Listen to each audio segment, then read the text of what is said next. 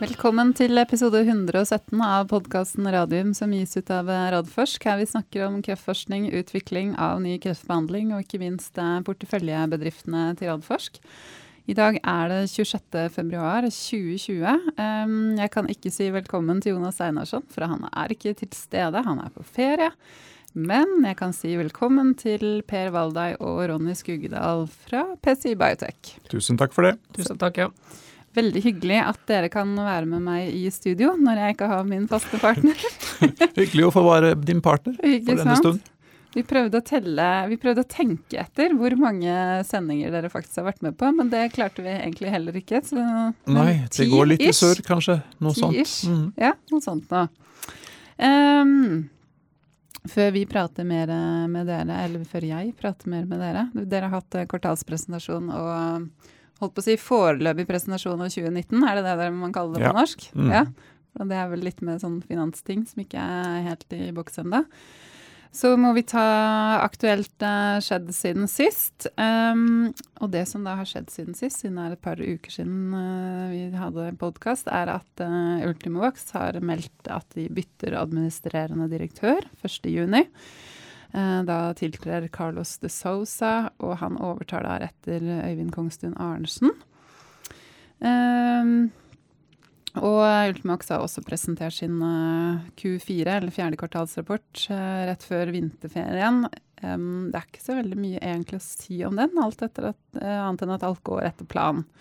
Med kliniske studier og utvikling av da deres UV1, universelle kreftvaksine. I tillegg så har Photocure meldt om et nytt patent i USA for heksvekst. Og det er litt spennende, for det patentet beskytter da videre utvikling av heksvekst eh, i retning av behandling av blærekreft, og ikke kun diagnostikk sammen med blålys. Fotokur skal ha sin eh, fjerde kvartalspresentasjon i morgen. Og da skal vi ha en ekstrasending av Radium, og vi får besøk av Dan Schneider og Erik Dahl. Så da kan vi snakke mer om det patentet og annet som de melder. Eh, Nordic Nanovektor har også sin Q4-rapport i morgen. Um, jeg vet at det er veldig mange som gjerne skulle hatt de i studio med en gang også. Eh, vi prøver å få de til å komme, men eh, Eduardo Bravo, som er administrerende direktør, har en hektisk mars måned foran seg. Men vi prøver, og tentativ dato er 1. april. Og det er ikke aprilsnarr. I hvert fall ikke enda. Kan være at det ikke blir det. Da kan man jo se på det. Men da eh, må, vi, må, vi, snakke med dere, eh, Per og Ronny. Ronny pleier ikke å si så veldig mye, det gjør jo ikke det på disse kvartalspresentasjonene heller. Nei. Nei. Men det er viktig at du er her, så vi vet det. Så jeg kan spørre deg om hvordan det går med finansene helt på slutten. Og så Hvis jeg får veldig vanskelige spørsmål, så har jeg noen å sende dem videre til. ikke sant? Da kan du ta sånn et lite nikk. Men eh, vi må begynne egentlig med å presentere PCI Biotech, i tilfelle det er noen eh, nye lyttere som ikke har eh, hørt om selskapet før. Per? Ja, I tilfelle det skulle være det, så kan jeg fortelle at PCI er et uh, biotekselskap som utvikler en plattformteknologi som kalles for fotokjemisk internalisering. Uh, og som er uh, utviklet eller oppfunnet her på Radiumhospitalet. og vi bruker denne teknologien til å både forsterke vaksiner, til en leveringsteknologi for genterapier, og for å forsterke allerede godkjent behandling innenfor kreft. Og det teknologien gjør, det er altså fotokjemisk internalisering. Det sier kanskje litt hva det er. Det betyr at du bruker lys, foto og kjemi for å internalisere noen ting. Og Det er da molekyler som trenger å komme inn i celler, men ikke klarer det selv. De blir ofte spist likevel av disse øh, cellene og havner inn i cellens det man kan kalle for fordøyelsessystemet til cellen, men de kommer ikke ut derfra av seg selv. Og Da har vi en teknologi som man kan øh, få de ut av dette såkalte fordøyelsessystemet, og derigjennom gjøre dem mer effektive øh, enn de ville være hvis de, hvis de ikke hadde sluppet ut. Så det er en måte å øke konsentrasjonen og tilgjengeligheten av medisiner som trenger å komme inn i celler, inne i cellene. Mm. Og så har vi da eh, de tre programmene. Det fremste programmet vårt det er i det man kaller for en registreringsstudie, altså en studie som skal føre til markedsføringsgodkjennelse, for en intravenøs formulering av dette fotokjemiske stoffet. Eh, og Den formuleringen kaller vi for Amfinex. og Det bruker vi da til å behandle gallegangskreft. Og da bruker vi det til å forsterke effekten av allerede godkjent, eller det er faktisk ikke allerede godkjent medisin, men det som er standardbehandling innenfor mm. gallegangskreft, som er et produkt som heter gemcitabin. Og Da tar vi bare og lyser inne i gallegangen ved hjelp av et endoskop, som man bruker for å behandle disse pasientene med likevel. Putter inn et optisk fiber, og så lyser vi der inne. Og kan da forsterke cellegiftens effekt, dette gemcitabin, cellegiften, dens effekt lokalt inne i gallegangen. Og det er viktig for disse pasientene, eh, mener vi, fordi at eh, det som skaper de største problemene for pasientene, og ofte fører til at de ikke overlever, det er effektene akkurat i gallegangen. Så det å holde kontroll på svulsten der, det er veldig viktig. Så har vi det andre programmet, som ikke er kommet så langt, men som har gått inn i såkalt klinisk fase, altså at vi tester det i mennesker. Eh, og da har vi gjort en studie i friske frivillige som eh, da har testet vaksiner, eh, modellvaksiner med vår teknologi og uten vår teknologi, for å se hva vår teknologi, den vi kaller for Fimavac, hva det kan gjøre for å forsterke effekten. Og har fått gode resultater som vi vil det man normalt kaller for proof of concept, clinical proof of concept. Altså at, at vi har vist at dette fungerer ikke bare i dyr og i dyremodeller, men det fungerer også i mennesket. Eh, og så har vi et tredje program som er et såkalt preklinisk program. altså Det har ennå ikke gått over i klinikk. Og Da bruker vi teknologien til å levere det man kan generelt kalle for genterapier. Eller det man normalt i, på fagspråket vil kalle nukleinsyrebaserte eh, terapier eller medisiner. Som påvirker eh, gensystemet, altså måten arvestoffet avleses og brukes eh, inne i kroppen. Uh, og vi har jo ikke noen av disse terapiene selv, noen sånne medisiner, men vi samarbeider da med selskaper som har sånne medisiner. Det som er problemet med disse medisinene, er uh, at de er store, uh, og de er, har vanskelig for å komme inn i celler, og de må komme inn i celler for å virke. Men de blir på en måte spist av alle celler, så de ligger etter fordøyelsessystemet. Og det vi kan gjøre, er da slippe dem ut og gjøre dem effektive. Mm. Så det er de tre uh, hovedprogrammene. To kliniske, ett i siste fase, ett i første fase, eller akkurat ferdig med første fase, og ett i preklinikk som vi samarbeider med andre selskaper på. Mm. Eh, ja, Nukleinsyrer, det er jo DNA og RNA, og så er det noen andre sånne det er mRNA og disse ja. tingene rundt det. Ja. ja.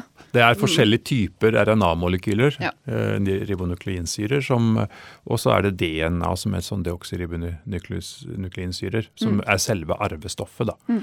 Eh, og disse RNA-ene det er jo sånne avskrifter, kan man måte, på en måte si. Templater. eller sånn Uh, kopier. Kopier, heter det kanskje. Rett og slett kopier. Det er kopier. Ja. En slags kopi. Det var det jeg lærte på ja, biologien. Ja, det er helt riktig det. En kopi som blir tatt, og så blir den kopien dratt med ut i, fra cellens kjerne og til cellekroppen, og der blir det lagd et protein basert på den koden som ligger i den kopien. Mm. Og Da kan man da lage sånne kopier eh, syntetisk utenfor kroppen og injisere dem inn i kroppen, og så kan de tas opp av celler, og så vil de begynne å produsere det som man ønsker da skal produseres inn i cellen. Så det er en, en og dette er jo veldig sånn kommende terapifelt. Stort, Ikke bare innenfor kreft, men nei, innenfor andre sykdommer. Det kan brukes til alt mulig rart, nesten. Ja. Så det, det er et veldig stort potensial. Mm. skje en eksplosjon. Det ja. har vi snakka litt med Sigrid Bratteli, som nå er i delvis i Kreftforeningen, om eh, en del ganger. Um, Hvis vi går til, eh, til, eh, dagens eh, presentasjon, vi kan jo starte stort, se på 2019 gjennom året. Hva har vært høydepunktene, sånn som dere ser det? Nå, tenker jeg både på de positive og de negative. Hvis det har vært noe har det vært noe negativt, da? Nei, Nei det hvis ikke det har vært noe negativt, så trenger man ikke snakke noe mer om det. Jo, altså vi har jo Vi, vi, kan, vi kan, prøve å gå igjennom dette her, da. Vi kan jo si at uh, for selskapet for PCI Biotech så har det vært et, uh, det man kan kalle for et transformativt år. Uh, vi har jo faktisk gått fra å være et selskap, et biotekselskap i tidlig fase, klinisk utvikling, til å være et selskap som har startet et registreringsstudie, som er da det siste før du får markedsføringstillatelse. Og det er et stort skritt å ta. Så det, sånn sett så har det vært et, et veldig viktig år. Vi starta den studien i, med første pasient inn i mai. Uh, og den er jo basert på både at vi først har gjort en fase 1-studie, altså en tidligere studie med, med lovende resultater, som vi uh, har uh, brukt i diskusjoner med myndighetene om hva som kreves for å gjøre dette. her, og Så har vi designa en studie, og så fikk vi starta det studiet i fjor. Og Det er vi jo veldig glad for og veldig stolt av at vi har fått til. Og så um, Året før det så henta vi også finanser til å kunne gjennomføre dette her helt i en interimavlesning som kan gi en akselerert godkjenning, forhåpentligvis. Mm. Så det er et, et, en stor sak for fjoråret. Den andre store saken, vi skal ta et litt sånn helikopterperspektiv på det, var jo at vi fikk ferdig den translasjonsstudien fra, i, på vaksinasjonsteknologien, der vi viste at de resultatene vi har sett i dyr, de lar seg translatere over til mennesket. Mm. Uh, og det er jo ikke gitt Nei, det er absolutt ikke gitt. utvikling av, av Det er det som er vel den nesten største risikoen du har, mm. når du tar det fra dyr og over i mennesker, eller mm. dyremodeller og over i den heterogene populasjonen som mennesker faktisk er, mm. uh, av, av, ulike mennesker. Uh, så vil jeg vel også si da, hvis du skal ta med noe negativt, så fortalte vi jo nå i uh, fjerde kvartalsrapporten at vi har blitt litt forsinket, eller ligger litt etter. Forsinket skal vi ikke si foreløpig, men vi mm. ligger litt etter i inklusjonen i forhold til vår originale plan. Mm. Og derfor har startet en del initiativer for å påse at vi får opp rekrutteringen mm. og, og, gjør forskjellige ting med det. Men, men, det er sånn jeg tenker at uh, det, det, er ganske vanlig når man driver med, med, klinisk utvikling. At man blir forsinket uh, når det både kommer til rekruttering av studiesteder, og rekruttering av pasienter. Og så sa du én ting i dag uh, på presentasjonen som ikke jeg var klar over. Og det var det at, hvis jeg forsto deg riktig, at dere forventer å, å få inn én pasient per studiested. Eh, nei. Forstå, nei, da ser du. Da det var vel ikke helt riktig. riktig. men det var nesten riktig. Det mangler liksom den tredje nevneren, holdt jeg på å si. Ja. Uh, tredje tallet her, og det er per år. Per år, ja. Selvfølgelig. Én pasient per site per ikke, år ja. mm. uh, er det vi regner med i gjennomsnitt at vi får fra disse sitene. Og dette er jo fordi at gallegangskreft er en veldig alvorlig sykdom, men det er også en veldig sjelden sykdom. Mm. Uh, og derfor så Eh, er det viktig at du har eh, motiverte eh, investigatorer som tror på dette her, og som virkelig leter etter pasienter. Ja, og som har tålmodighet sånn, nok til å lete. Ja. ja. Problematikk som dere er være, innafor der. Ja, det kan jo være at de, at de, leter et halvt år og ikke har funnet noen pasient ennå, men da må de ikke gi opp, da må de fortsette. Mm. Og det må jo vi påse at de gjør. Så at vi må jo fortelle dem om andre sites som da finner pasienter, og Eh, gå igjennom resultater vi har fra tidligere studier, og mm. holde dem aktive og motiverte. Mm. Men det, det var litt sånn eh, øyeåpner for meg, i hvert fall. Så det, da skjønner man jo at det fort kan bli forsinkelser ja. i rekruttering. Ja, ja. Absolutt. absolutt. Mm. Så har vi jo hatt en del nyheter på patenter og sånne ting også i fjor. Vi jobber mye med å sikre at vi har god, en, en, god patentfamilie rundt de tingene vi driver med. Både mm. på brukspatenter og på patenter på direkte teknologier. Mm.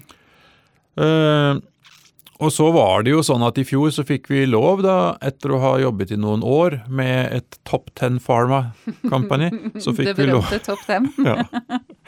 Som vi ikke fikk lov å disclose hvem de var, så fikk vi lov til å disclose til slutt at uh, dette her var AstraZeneca. Mm. Ikke for at jeg tror at det skal spille noen rolle om det faktisk var AstraZeneca eller Pfizer eller Bayer eller hva det måtte være, men uh, det er alltid hyggelig å kunne gi et navn til, eh, til eh, stedsselskapet man jobber med. Da blir det litt mer konkret for de som lytter på, hva, ja. hva det dreier seg om.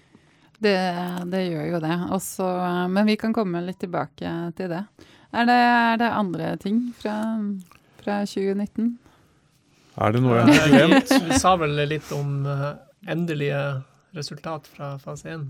Ja, det sa vi også om. Og det er jo Nå er vi ferdig med den studien. Mm. Den fase 1-studien innenfor gallegangskreft. Mm Og der har vi jo i den høyeste dosekohorten i i øh, Unnskyld.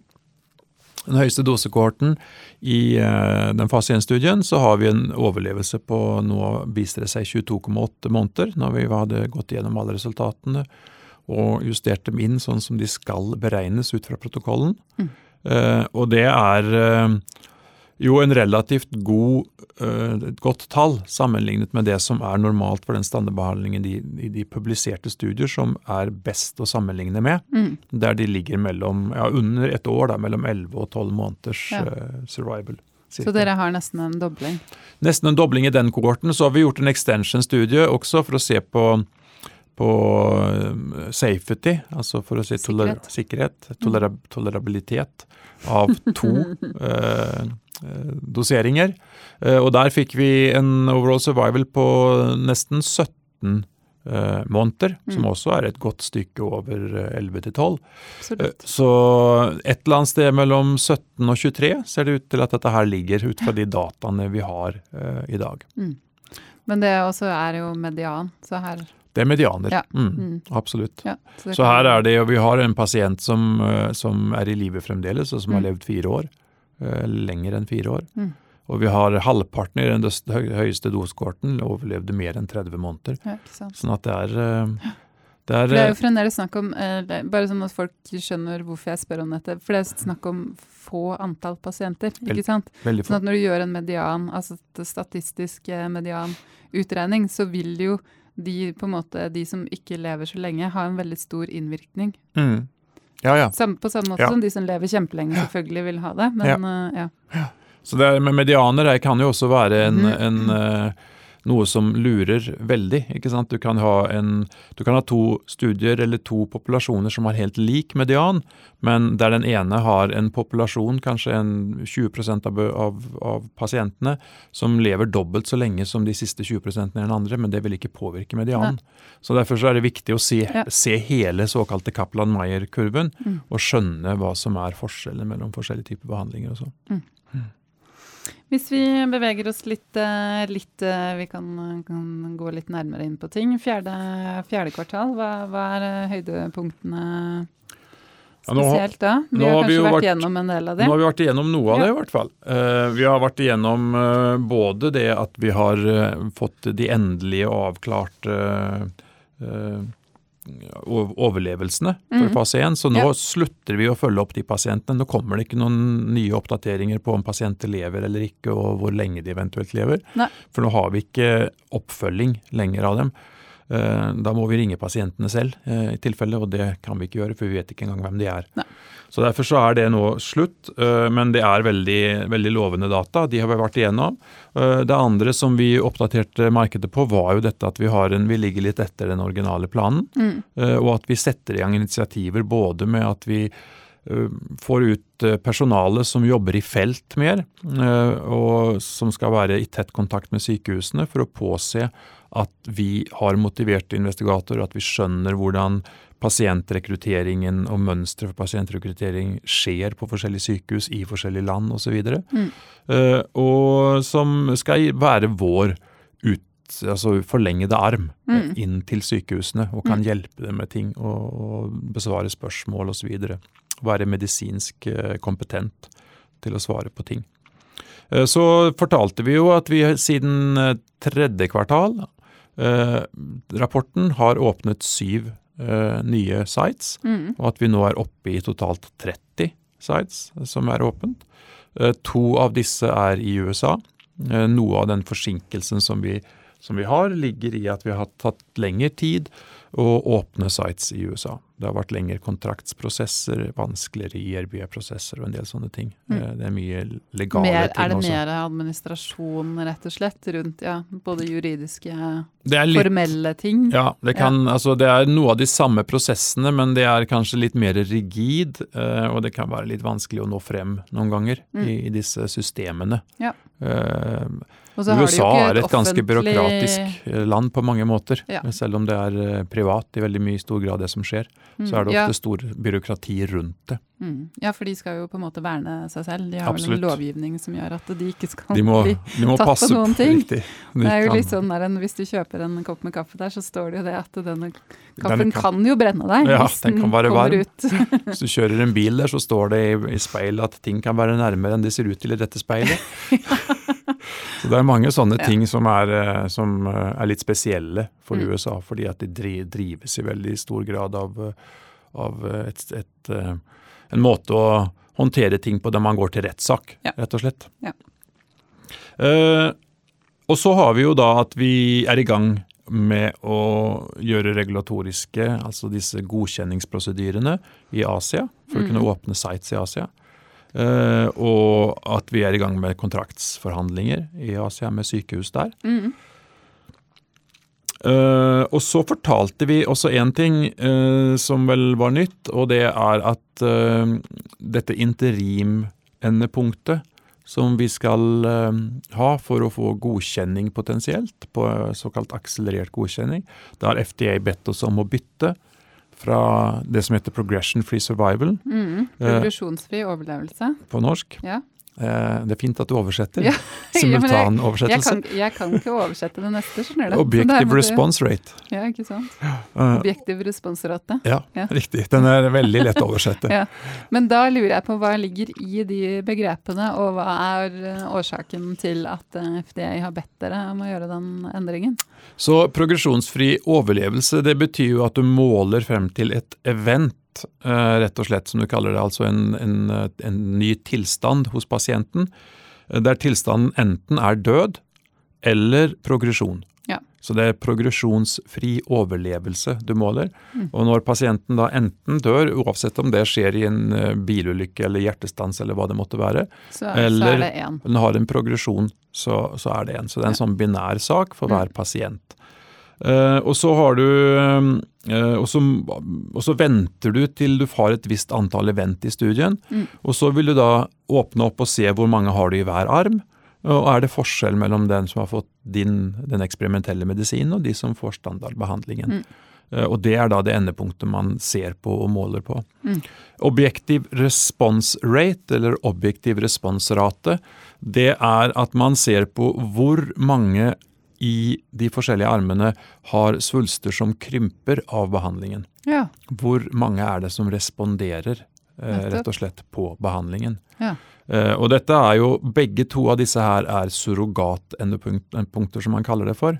Det som jo myndighetene egentlig vil se til slutt, er eh, såkalt overall survival. Mm. Eh, og det er ofte det de på en måte Det er det de som er det foretrukne eh, endepunktet.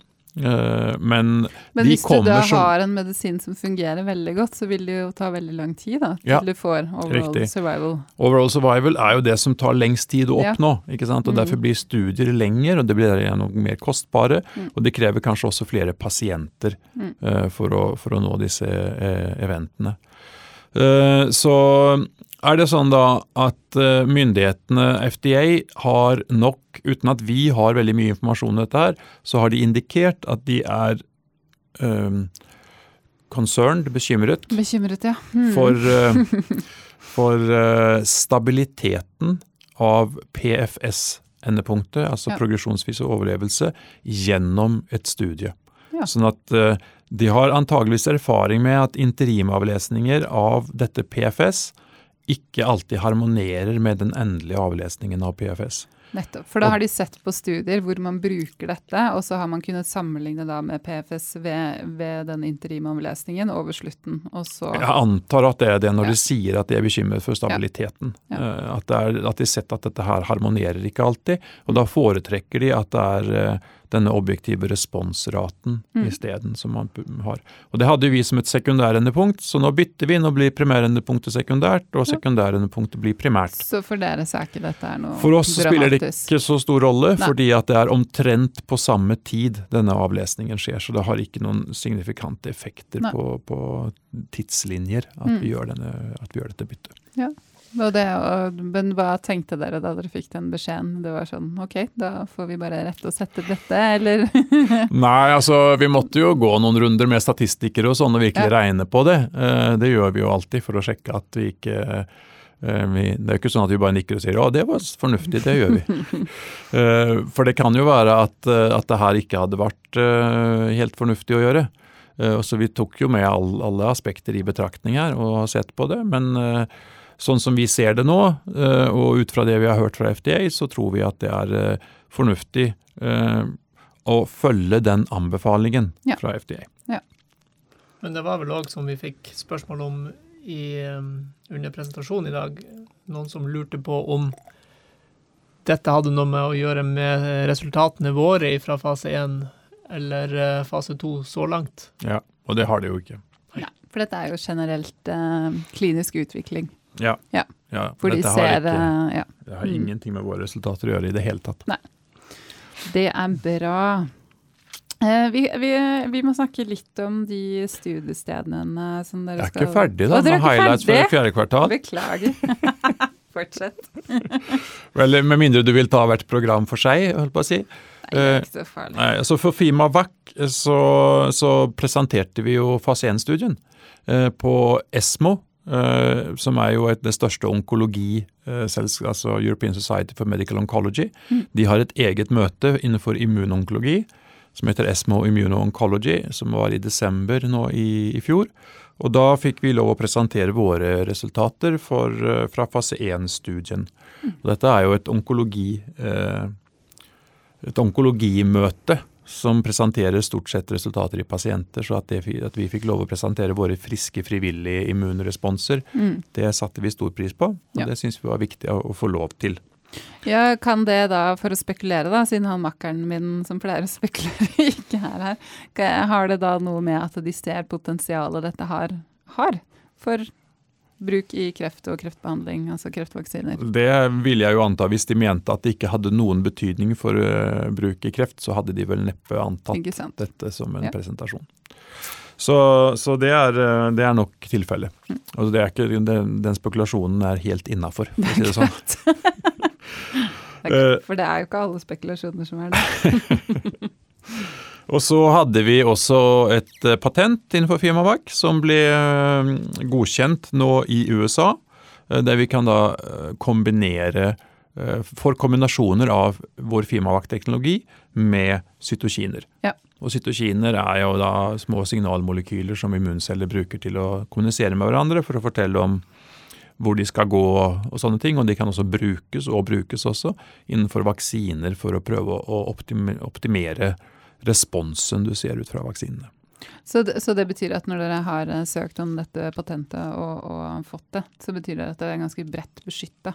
Da er vi bredt beskytta. Ja. eh, Men dette er, det ikke, er dette er ikke det eneste patentet vi har innenfor dette her, eller vi har flere patenter. Mm. Så, sånn at uh, dette er ett en side av beskyttelsen, kan Mm. du si. Men vi prøver jo å legge et, eh, en beskyttelse rundt hele denne teknologien, Mm. vaksinasjonsteknologien, og hadde relativt eh, aktiv eh, patentjobbing i 2013-2014, Mm. den tiden omtrent, som nå klikker inn som, som patenter som eh, beskytter teknologien. Så det er vi veldig fornøyd med. Ja, for det, jeg tenker så at dette her er jo viktig for dere når dere skal eventuelt søke samarbeid eller gå i gang med utvikling selv. Dette er det man kaller for alfa og omega i en Ja, sånn situasjon. sant, Ellers har vi folk- ingenting å selge. Bare så lytterne forstår eh, viktigheten av, av å bygge det er vel nesten, kan, Man kan vel kanskje si at dere bygger en patentfamilie, er det ikke det Ja. man, et begrep Ja. man også bruker Ja. når man har flere Riktig. Ja. Mm. og, og også hvor lang tid det tar. Du sier at dere jobbet med det i 2013, nå er det 2020, 2020 ikke Ja. sant? syv år før man på en måte får det. Før du får det granted Ja. og igjennom. Og noen ganger tar det, i noen områder kan det ta enda lengre Ja. tid. Altså. Og så koster det utrolig mye penger. Ja, det gjør det også. Ja. det er dyre prosesser. Ja. Eh, Så hadde vi Fimanax med det tredje programmet, og der var det jo at vi gikk ut og fortalte at uh, topp 10 er AstraZeneca.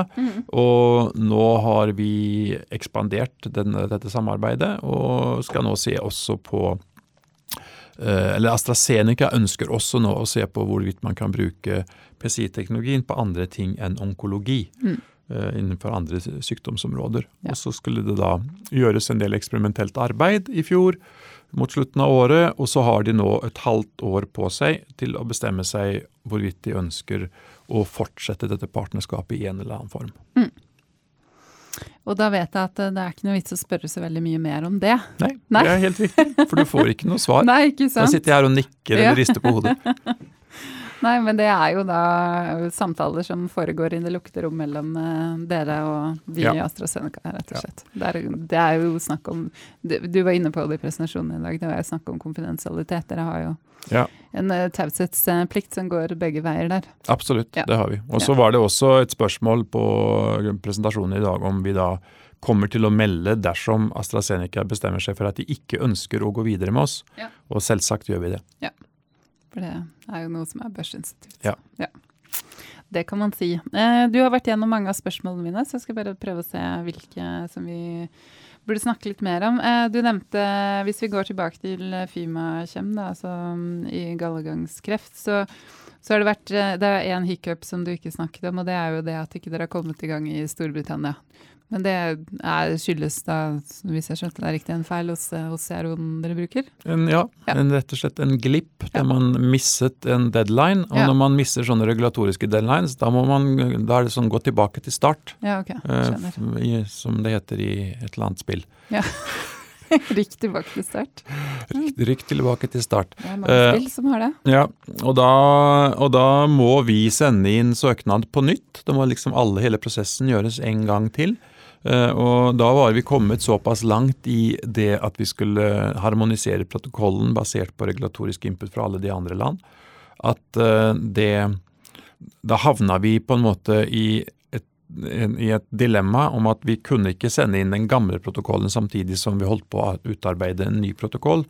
For da ville den gamle, da ville vi med en gang vi fikk den Altså Vi ville fått et amendment som vi måtte vente med å sende inn da, til alle land, til, til Storbritannia hadde godkjent utgangspunktet. Så vi hadde forskjøvet hele studien på en måte, Ja. godkjenningen på viktige momenter innenfor studien. Mm. Og derfor så måtte vi vente med å sende tilbake til, til Storbritannia. Ja, nettopp. Så nå er For de som ikke er er så inne i liksom kliniske studier, så er det da protokollen, er det da oppskriften på hvordan den kliniske studien skal gjøres. Mm, Og hvis man endrer på en måte på, på den oppskriften, så må man sende inn en sånn type amendment. riktig. Ja, så da var liksom avveiningen at det var kjappere å vente med ett land Ja. Enn å, å en å forskyve alle de andre når det gjaldt uh, dette amendmentet, som er et viktig Men da er prosessen, prosessen er i gang i, i Ja, ja. Storbritannia. Ja, den er i gang. Ja. Men det er litt lange, det, altså, det, det tar jo tid, disse prosessene. Så, så det var litt sånn rykk tilbake til start eh, Ja. for akkurat det Landet. Ja, for de har ikke noe sånn rullerende opptak, holdt jeg på å si. Der Nei. er det én deadline, og mister du den, så er det kjørt. Ja, da er det kjørt. Ja. Da er det for seint ute. Skjønner. Men det kan jo komme med en tilleggsopplysning der om at det er ikke så mange sykehus Nei, det er det dette rammer.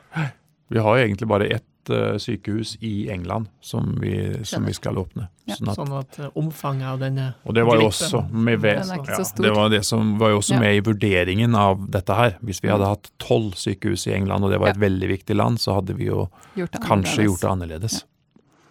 Så bra. Eh, ellers så snakket eh, dere litt om på, også på presentasjonen i forhold til det med at dere skal åpne sites i, i Asia. Eh, for der gjør dere jo en jobb, og det er jo et sted hvor gallegangskreft er mer, mer utbredt. Mm. Eh, eh, men da snakket du litt om det at her kunne det jo være mulig at det skjer noen forsinkelser pga.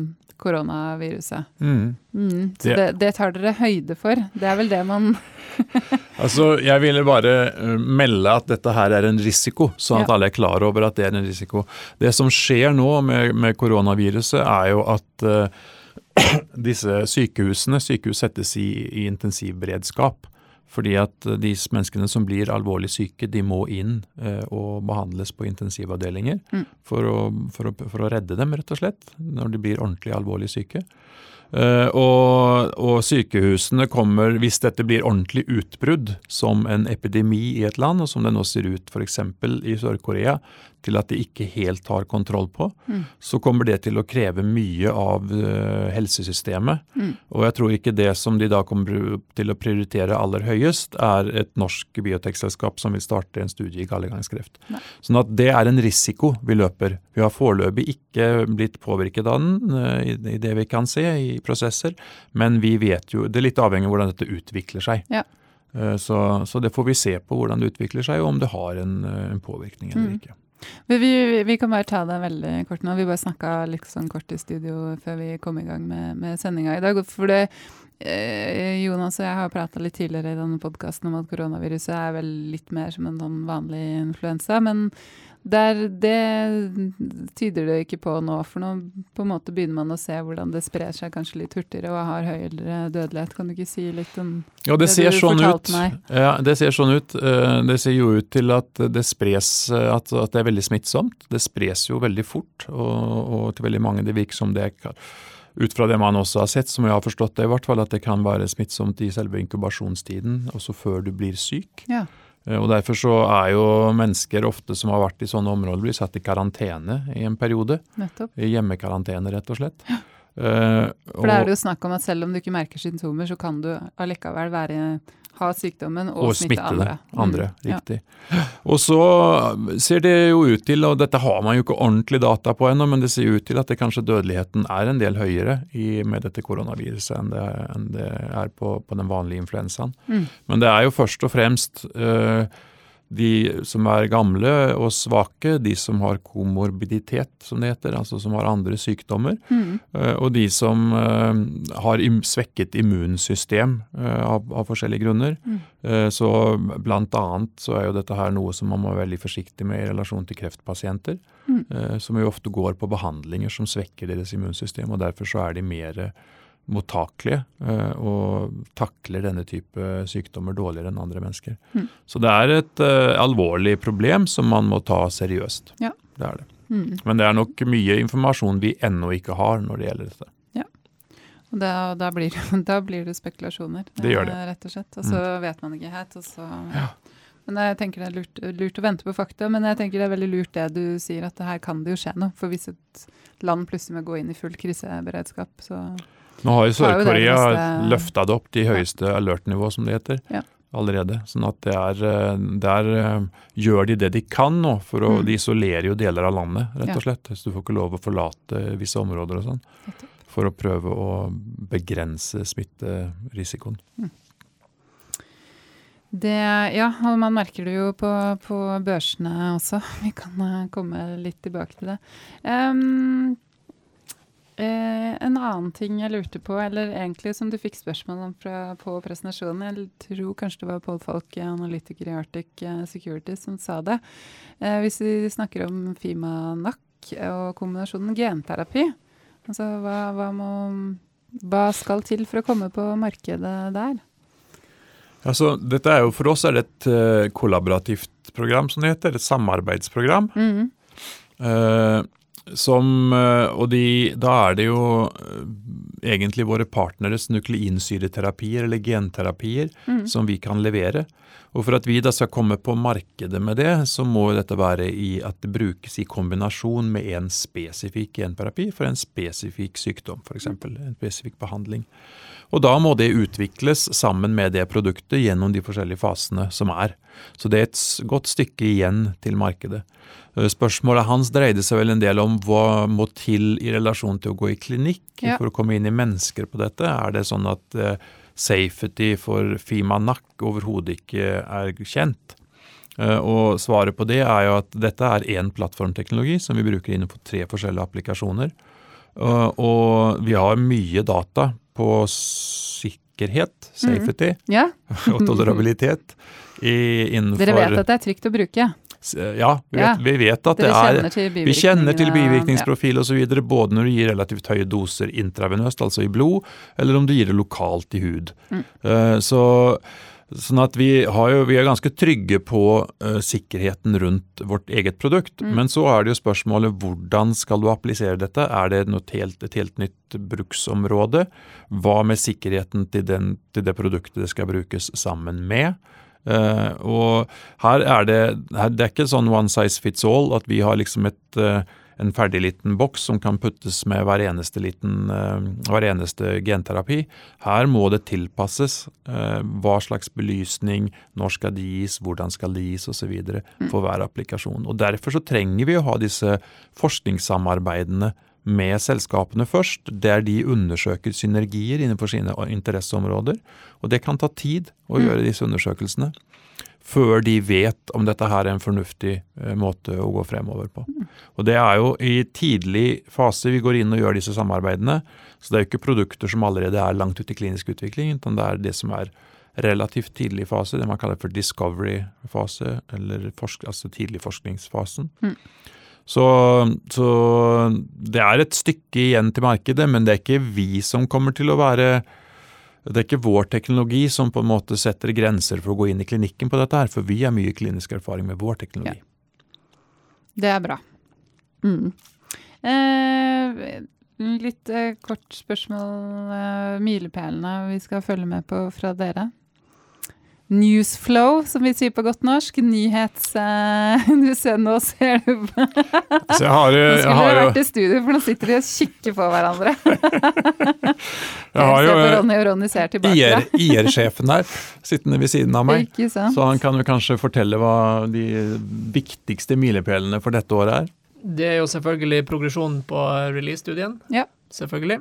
Og så av sånne konkrete milepæler her er det jo at Fimavac, de resultatene som vi hadde på Esmo i desember, skal også komme ut i en publikasjon i et uh, Vitenskapelig tidsskrift. korrekt. Ja.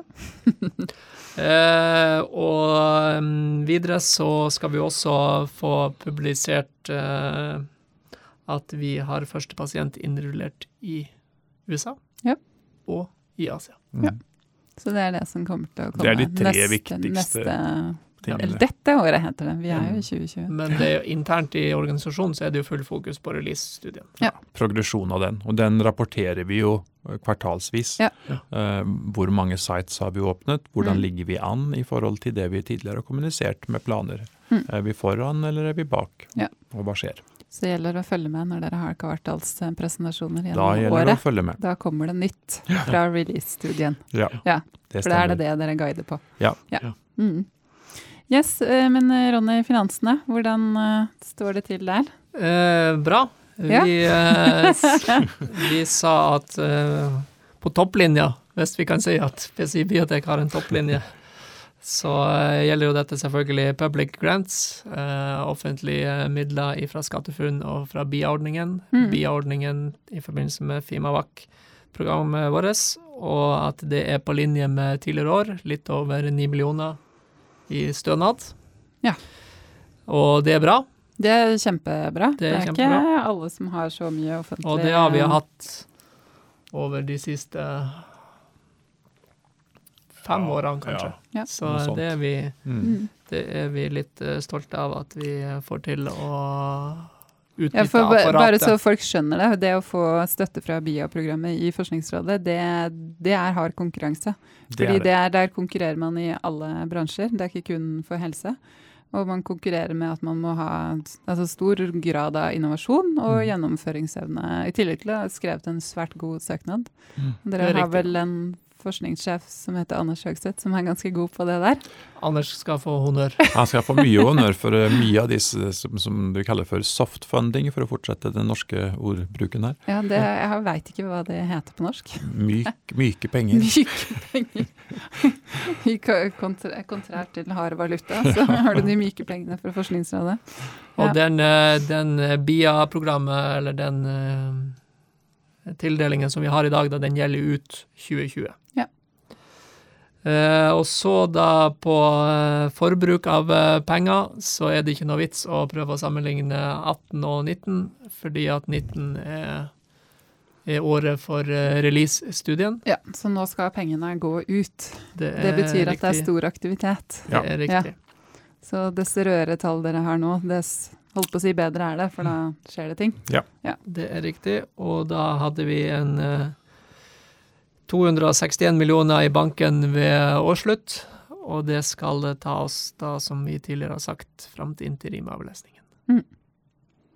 Så bra. Så eh, som uh, forventa. Ja. ja. Veldig bra. Eh, vi har fått inn noen spørsmål eh, fra lyttere. Eh, vi har tatt et par av de, så vi trenger ikke ta de igjen. Men det er en som lurer på hvordan interessen er for, fi- for Fimavac etter presentasjonen på Esmo. Og skriver at tidligere har Per informert om interesse. Hva nå når interessenter har tilgang til all data? Ja, så har jo ikke interessen gått ned. Men det er bra. Sånn at uh, det er alltid uh, viktig å ha data å kunne vise uten at man må gå over et konfidensialitetsskritt, fordi at det er, et, en, det er en terskel å passere alltid. Uh, sånn at det hjelper, det gjør det. Så in, det er interesse for, for teknologien vår. Bra. Eh, og så er det også et spørsmål om dere har planer om å åpne flere enn 40 sites i da, den release-studien. Dette sa jeg vel noe om, tror jeg, på kvartalspresentasjonen i dag. Det er mulig. eh, det husker ikke jeg. Nei, Nei. eh, men, eh, men det var mye som ble sagt rundt dette her med rekruttering, og at vi ligger litt bak. Og en av de tingene vi da Vi, vi setter opp at vi skal både øke kapasiteten, dvs. Si sette opp flere sites, og at vi skal ha mer personale ute i felt.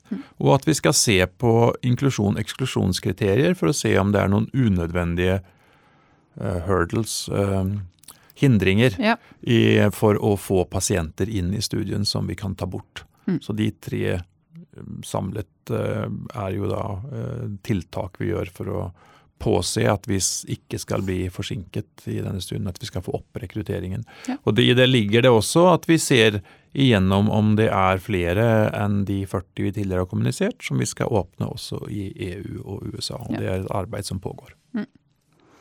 Så bra. Det, Går det, går det an å kommentere noe på eh, hvilke unødvendige hurdles som kan Eller gi eksempler på det for, eh, Og det, for lytterne?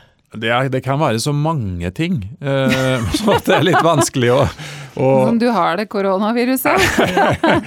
Nei, men det har det, for- eksempel så, så når du skal gjøre en denne type studie, så, så definerer du jo pasientpopulasjonen ganske nøye. Eh, Du har en del eh, ting som du setter grenser på. Leverfunksjon, hvor mye gulsottnivå du kan ha, for de fleste av disse pasientene, får gulsott. Eh, Du setter grenser på eh, hvor de kan ha svulster, eh, f.eks. Eh, eh, og vi sier at det kan de ha i, lever og til, noen eh, lymfenoder. Vi, du kan sette grenser på hva slags behandling har de fått tidligere, hvis noe behandling i det hele tatt.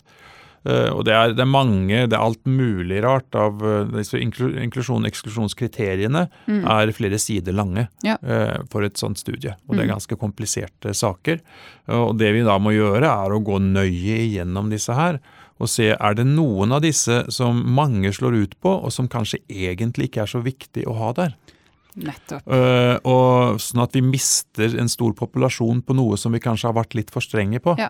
Eh, Og som det er- egentlig ikke har noen betydning. Nei, for som, det studiet. nei riktig. Ja. For dette Mm. her er jo ofte uh, enten at du har en, en safety-begrunnelse til det, eller at du vil påse at du får en så homogen populasjon som mulig. Så det er de to faktorene Mm. Ja. du, du går inn og ser på. Så, så det er en uh, Det var vel noen eksempler. Det var en god forklaring. Det er bra at du er fornøyd, finanssjef. Ja. Det er liksom to intervjuer her. Det er bra, det. Ehm, og det siste, siste, egentlig. Jeg bare kikka kjapt på, på, på børsen, eller det var vel egentlig E24 som meldte at det var blodrødt over hele linja på Oslo Børs rett før vi gikk inn i studio. Og dere også har, har gått, eh, gått ned. Det var loven på mellom 16 eller 18 Det er uvisst når vi sitter eh, her inne. Har dere noen kommentar eh, til det? Nei, kommentaren til det er vel at det er en generell nedgang med korona-impact over hele linja. Men så er det jo også en eh, tilbakemelding på at uh, aksjonærene ikke er fornøyd med det de har uh, fått budskap om i dag, og da sikkert om release-studien, at det er litt bak det vi hadde forventa. Mm. Det er nok en reaksjon på det. Men så er det jo en generell altså Det har vært i flere dager nå pga. koronaviruset. Ja, fordi jeg snakka bare så vidt med Anders Stuv, som er investeringsdirektør i Radforsk, før jeg gikk inn i studio. Det er jo, det er jo helse- og teknologiaksjer som særlig blir ramma av, av koronaviruset, som Mm. går ned. Ja. Eh, og Også reiseliv og transport vil jeg Ja, merke litt Ja, det kommer nok til å merke litt også.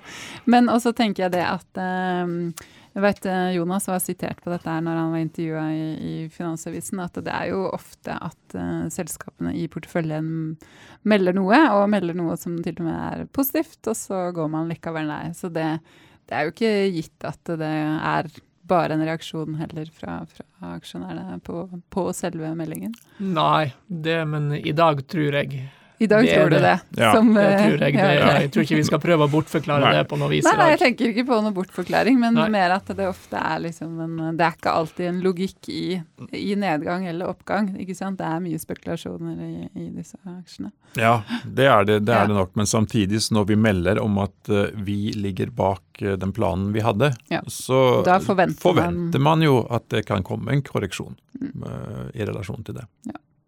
Sånn at det er ikke Vi skal ikke, vi skal ikke si Prøve å skylde på noe annet. Eh, Nei. Det, det vi har meldt, har vi meldt, og det er reelt at vi ligger bak den originale planen som vi hadde for dette. Men så i tillegg så har du meldt hvorfor, og Ja. at dere har en plan. Ja da, Ja, absolutt. så det, jeg tenker jo at det er ikke noen stor dramatikk Nei, i dette. Det, Det er jeg helt, helt enig i. Det vi helt For for å oppsummere det sånn. Ehm, flott. Det er eh, supert at eh, dere kom tilbake i studio. og. Takk for Fikk eh, pratet igjennom.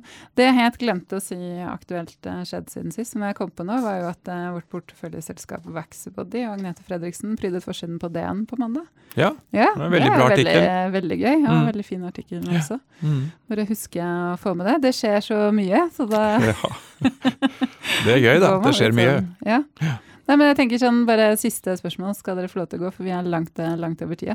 Hva, hva betyr sånne type ting? At nettopp sånn Vaxibody som søsterselskap i Radforsk og også liksom biotekselskap eh, får den type positive oppmerksomheten? Det, det syns jo vi bare er bra. Eh, all oppmerksomhet rundt det potensialet som ligger i denne bransjen, eh, og at eh, media sånn som Dagens Næringsliv, som kanskje ikke har vært så opptatt av den type ting tidligere, også begynner å få opp øynene for at her er det faktisk ting som skjer, og som ser veldig lovende ut. Det er veldig positivt for, for hele bransjen. Mm. Så vi, jeg tror vi alle sammen i dette, innenfor dette her heier på hverandre og prøver å hjelpe hverandre til å, til å løfte hele bransjen. Det kan jeg skrive under på, så jeg kan bare si at jeg er helt enig. Takk for at dere kom. Takk skal du ha. Hei.